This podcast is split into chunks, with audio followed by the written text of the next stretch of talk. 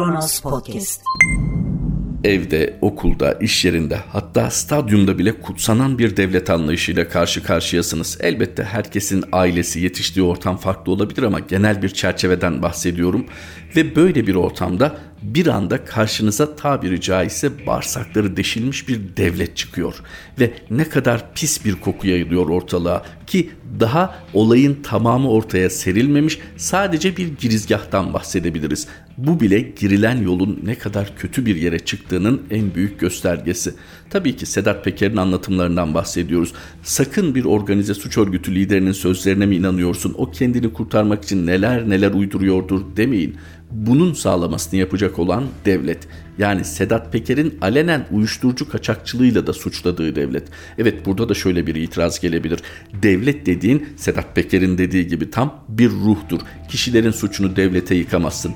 Bakınız devlet bir binektir, bir aygıttır ve dönemsel kullanıcıları vardır. İşte onların iyi seçilmesi gerekir. Burada halkın ferasetine ne kadar güvenebiliriz bilmiyoruz ama bu işe talip olanların da dürüstlüğü son derece önemlidir. Yani sureti haktan görünüp perde arkasında her türlü melanete karışan insanlar da devleti ele geçirebilirler. Merhaba, 24 Mayıs 2021 Pazartesi günün tarihi ve Kronos Haber'de Kronos günden başlıyor. Sedat Peker 7. videosunda da çok vahim iddialar ortaya attı. Gerçekten inanıp inanmamakta tereddüt yaşanacak iddialar ama diyoruz ya bunun sağlamasını yapacak olan devlet. Devlet bunu ortaya çıkaracak ve devlet bu konuda açık davranacak. Eğer kendine güveniyorsa geçmişine güveniyorsa bu konuda. Hoş geçmişin günahlarını yüklenmek zorunda da değil. Bugün gerekli soruşturmayı yapar ve etkili bir hukuki süreç başlatırsa geçmişin günahlarından niçin bugünün yöneticileri sorumlu olsun ki? Kronos Haber'de Sedat Peker'in iddiaları üzerine kaleme alınmış iki önemli yazı var. Onu aktaracağız ama ondan önce yine Kronos'ta yer alan iki başlığa dikkat çekelim. Birincisi Eylem Yılmaz'a röportaj veren Turgut Kazan'ın ifadeleri. Bir cümlesini özellikle dikkatinize sunalım. Peker'in iddialarını araştıracak savcı çıksa bile Soylu'ya dokunamaz.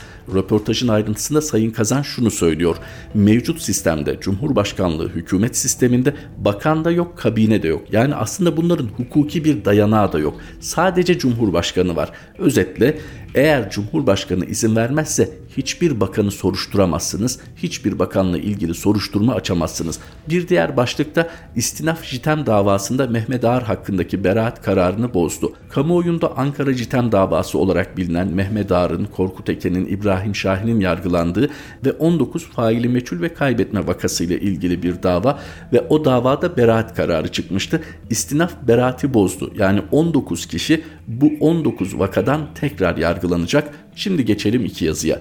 Birincisi Kronos Haber'in ekonomi yazarı Turhan Bozkurt bir iş insanı özelinde çok önemli bir arka plana dikkat çekiyor. Limanların efendisi Robert'in AKP ile kesişen ilginç hikayesi. Organize suç örgütü lideri Sedat Peker kendisine ait YouTube kanalında yayınladığı 7. videoda çarpıcı bir iddiada bulundu. Peker'in iddiasına göre Kolombiya kokaininin Türkiye'ye sevkiyatında Adalet ve Kalkınma Partisi Genel Başkan Vekili ve eski Başbakan Binali Yıldırım'ın oğlu Erkan Yıldırım'a ait gemiler kullanılıyor. Peker'in yeni güzergahı kurmak için Venezuela'ya gitti dediği Erkan Yıldırım'ın 6 Aralık 2020 tarihinde Venezuela'da olduğunu gösteren fotoğrafların Türkiye'nin Caracas Büyükelçiliğine ait resmi Twitter hesabında paylaşılan mesajda yer alması Narkos Türkiye iddialarına yeni bir boyut kazandırdı. Kolombiya kokaini Peker'in videoları haricinde son dönemde hem Ekvador'da hem Panama'da narkotik operasyonlarında da telaffuz ediliyor. Türkiye'den 12.136 kilometre mesafedeki Ekvador'da Türkiye'den bir aile Yıldırım ailesi liman işletiyor.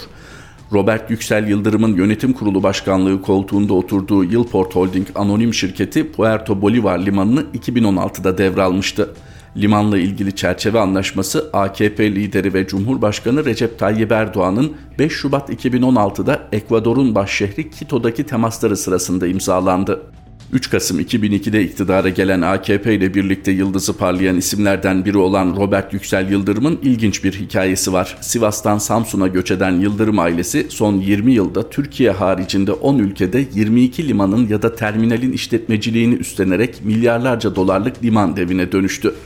Yılport Holding'in dümeninde bulunan Yüksel Yıldırım 1960 yılında Sivas'ta doğdu. Robert ön ismini İstanbul Teknik Üniversitesi Makine Mühendisliği bölümünden mezun olduktan sonra 1989 yılında yelken açtığı Amerika Birleşik Devletleri'nde kendi kendine vermişti. Oregon State Üniversitesi'nde makine mühendisliği alanında yüksek lisans eğitimi alan Yüksel Yıldırım, Robert'in hikayesini 9 Ekim 2016'da Deniz Haber Ajansı'na verdiği mülakatta şöyle anlatmıştı. ABD'de yüksek makine mühendisliği öğrenimini görürken hem okudum hem çalıştım. Ancak Yüksel Yıldırım olarak yaptığım iş başvurularından dolayı kimse bana iş vermiyordu. Çinli ve Hintli arkadaşlar bu konuda bana yol gösterdi. ABD vatandaşı değildim. Oturma iznim yok. Esas sorun da buydu. Çinliler ön isimlerini değiştirdiklerini söylediler. İsim değiştirince adamlar bizi Çinli Amerikalı zannediyor dediler. Ben de deneyeyim dedim. Silikon Vadisi'ndeki şirketlerin kurucu listesini önüme alıp isim seçtim. En çok Robert ismi vardı. Ben de Robert ismini seçerek CV'mi Robert Yüksel Yıldırım olarak gönderince mülakat teklifleri geldi. Paseko isimli bir Japon firmasında çalışmaya başladım. 3 ay sonra senin sigortanı yatırmak istiyoruz fakat olmuyor hep geri dönüyor dediler. Bir yıllık staj yapar gibi çalışma sürem var diyerek onları ikna ettim. Avukatım kanalıyla çalışma izinlerim yasal olarak alındı ve işime Robert Yüksel Yıldırım olarak devam ettim. 1993'te Türkiye'ye dönen Robert Yüksel Yıldırım, kömür ve metal ticaretiyle iştigal eden aile şirketinin yönetim kurulu üyesi olmuştu. 1993 yılında Rusya'dan doğrudan taş kömürü ithalatıyla ilk uluslararası ticaretini gerçekleştirmişti. İş dünyasında Yıldırım'la özdeşleşen Kömürcü Yüksel lakabı bu dönemden kaldı. Ancak Yıldırım Holding'in esas büyüme dönemi 2004 yılında Kocaeli'nin Gebze ilçesinde Sedef Limanı'nı STFA'dan satın almasıyla başladı. Yılport Holding anonim şirketi Yıldırım grubunun liman ve konteyner terminal operasyonlarını tek bir çatı altında birleştirmek için 2011 yılı Ağustos ayında kuruldu. 2011 yılında yıllık 600 bin TU konteyner elleçleme kapasitesi ve RoRo tesisine sahip Genport limanını satın aldı. Aynı yıl 200 milyon avro bedelle Malta Freeport'un %50'si Yılport'a geçti. 2012 yılında Rotaport'u satın alan Yılport'un liman zincirine 2014 yılında İsveç'te bulunan Gavle Konteyner Terminali ve Norveç'teki Oslo Limanı halkaları eklendi. 2015 yılında 7'si Portekiz'de, ikisi İspanya'da ve biri Peru'nun Paita limanını işleten Terter'ın portföyündeki 10 terminali bünyesine kattı. 2016 yılında Türkiye'nin en büyük sıvı yük terminali Solventaş Teknik Depolama Anonim Şirketi de Yılport bünyesine katıldı. Ayrıca Baltic Sea Gateway şirketinin haklarının elde edilmesiyle Yılport, İsveç'in Gavle limanında hakimiyetini perçinledi. Yılport 2016 yılında Güney Amerika'da uyuşturucu merkezi Kolombiya'nın güney komşusu Ekvador'da Puerto Bolivar limanının işletim hakkını bir sent ödemeden kazandı. Yılport, limanın kapasitesini artırmak için 12 yılda toplam 750 milyon dolarlık yatırım şartıyla ihaleyi aldı. Latin Amerika'nın Pasifik kıyısındaki en büyük terminalini kuracak. Yılport'un Ekvador'da işlettiği Puerto Bolivar limanından Türkiye'ye gelmek üzere yola çıkan bir yük gemisi uluslararası bir narkotik operasyonuna sahne oldu. Orta Amerika ülkesi Panama'da polis tarafından son durağı Türkiye'nin Mersin limanı olan gemide arama yapıldı muz yüklü bir konteyner içerisinde 616 paket 600 kilogram kokain ele geçirilmişti. Yılport Holding sorumluluğumuz gemiye kargo yüklemek ve gemiden kargo boşaltmakla sınırlıdır diyerek 600 kilogramdan fazla kokaini tespit edemediklerini ve bundan dolayı herhangi bir sorumluluklarının olmadığını beyan etti.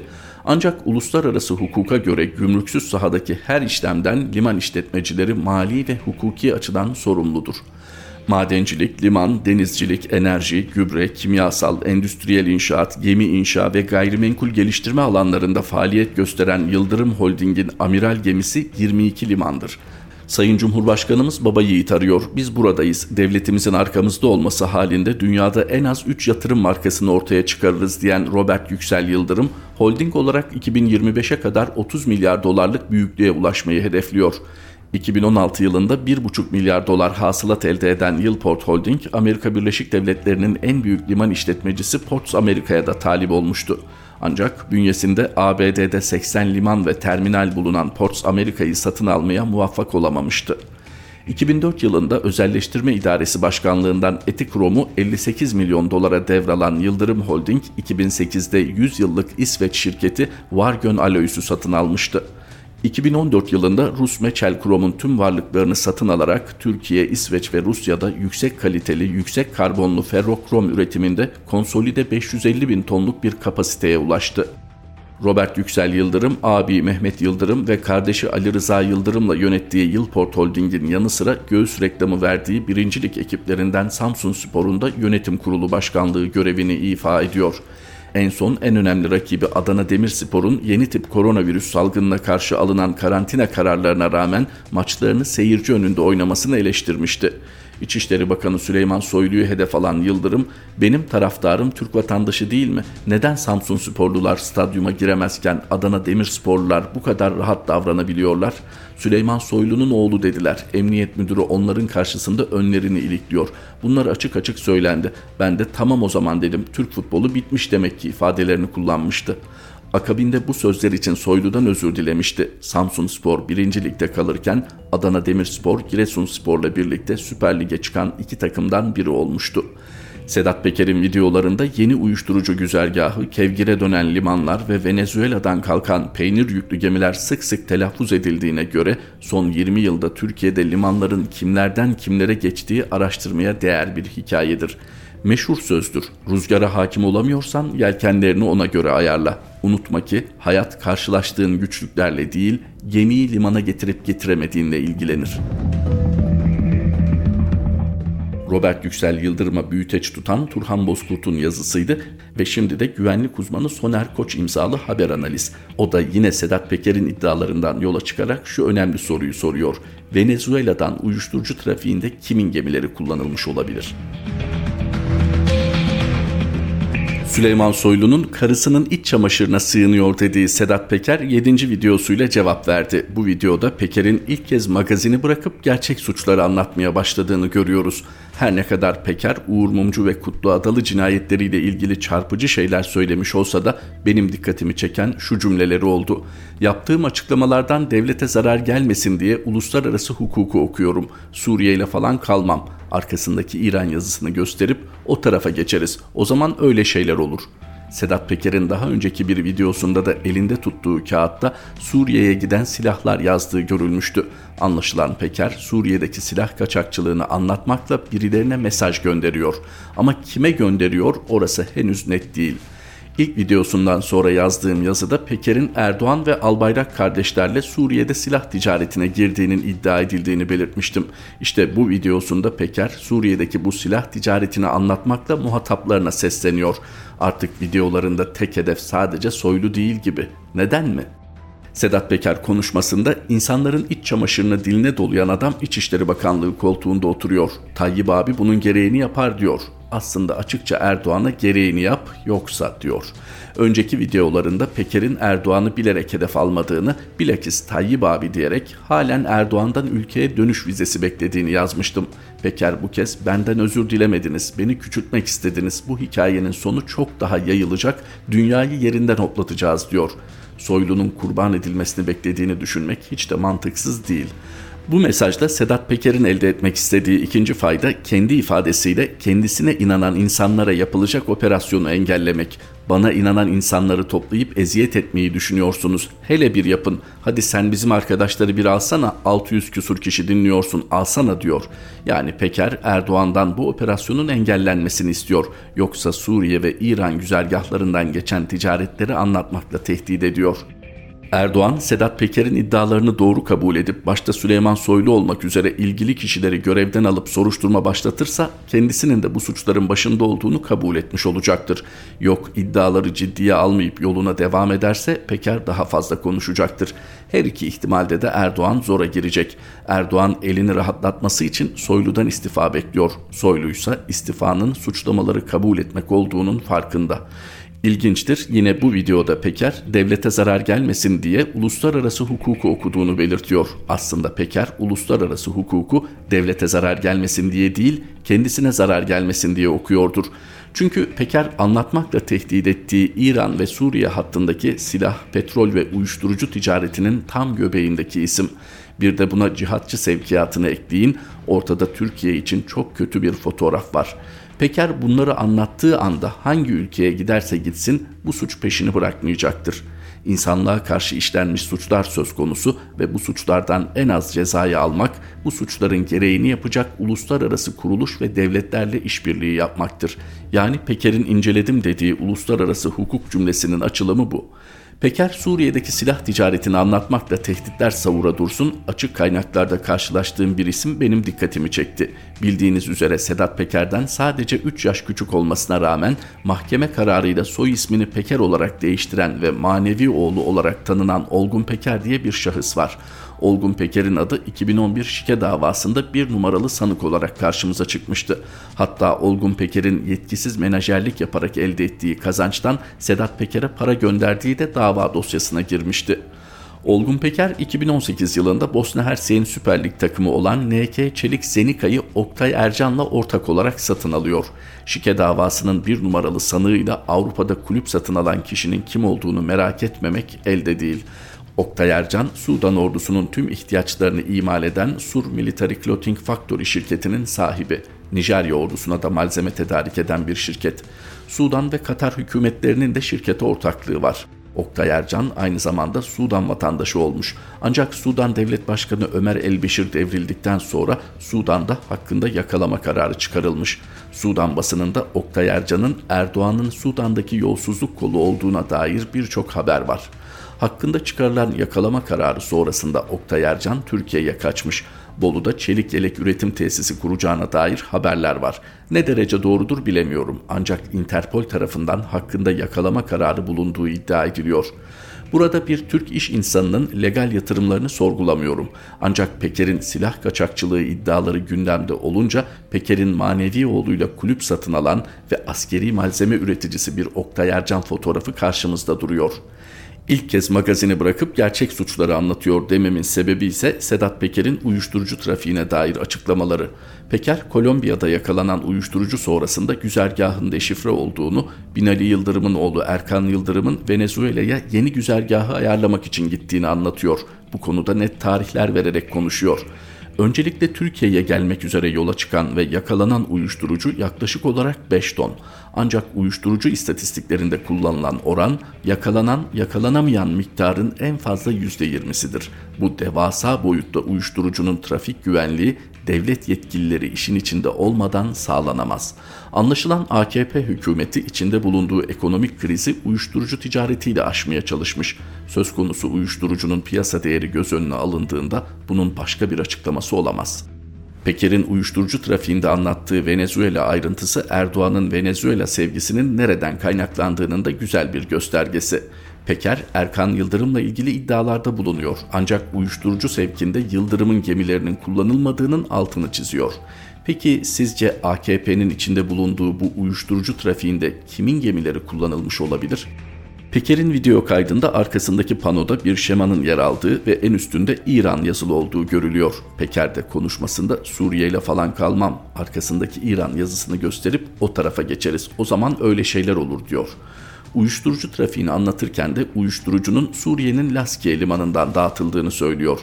Uyuşturucu ticaret yolları göz önüne alındığında eroin maddesi doğudan batıya, kokain ise batıdan doğuya gider. Çünkü kokain batıda ucuz, doğuda pahalıdır.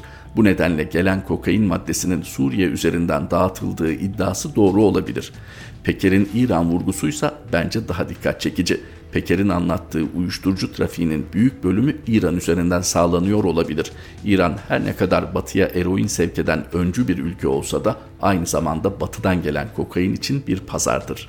Peker şimdilik İran konusuna girmedi. Ancak İran uyuşturucu konusunda heybedeki turbun büyüğü olabilir. Eğer Peker Erdoğan'dan istediğini alamazsa Suriye'deki silah kaçakçılığı yanında açacağı ikinci konu bu olabilir. Narkotik birimleri uyuşturucu örgütlerini takip ederken uzun soluklu çalışırlar. Örgütü takip ederken ara yakalama denilen küçük operasyonlar yaparlar. Örgütün o an elinde bulunan uyuşturucuyu yakalar ama örgütün kafa takımına dokunmazlar. Örgütün tüm adamlarını tespit etmek için takibe devam ederler. İşte küçük operasyonlara ara yakalama denir. Kolombiya'da yakalanan uyuşturucu da kuvvetle muhtemel Amerika Birleşik Devletleri'nin uyuşturucuyla mücadele birimi DEA'nın bir ara yakalaması. Bu operasyondan sonra kimler kimlerle ne konuştu, ne yazıp mesajlaştı DEA tespit etmiş olmalı. Yani çok ama çok büyük bir cisim artık daha hızlı yaklaşıyor. Güvenlik uzmanı Soner Koç imzalı bir haber analizdi. Böylece Kronos Haber'de Kronos gündemin sonuna geldik. Tekrar buluşmak üzere. Hoşçakalın. Kronos Podcast